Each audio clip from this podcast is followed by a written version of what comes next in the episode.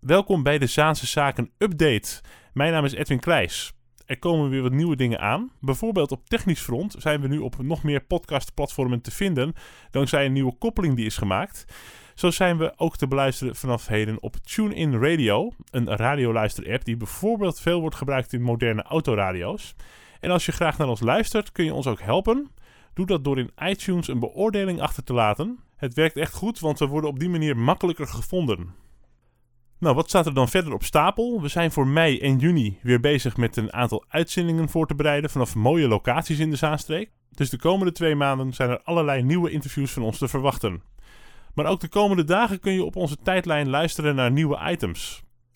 Zo was deze week in het nieuws dat Lil.nl faillissement heeft aangevraagd. Het Zaanse online woonwarenhuis kwam al in opspraak doordat klanten klaagden over bijvoorbeeld slechte leveringen of het niet terugontvangen van geld. Mede-eigenaar Rob Muns verdedigde het bedrijf op tv in Radar door te zeggen dat iedere klacht zou worden afgehandeld. Rob Muns is eerder te gast geweest in Zaanse Zaken en dat interview plaatsen we dit weekend online.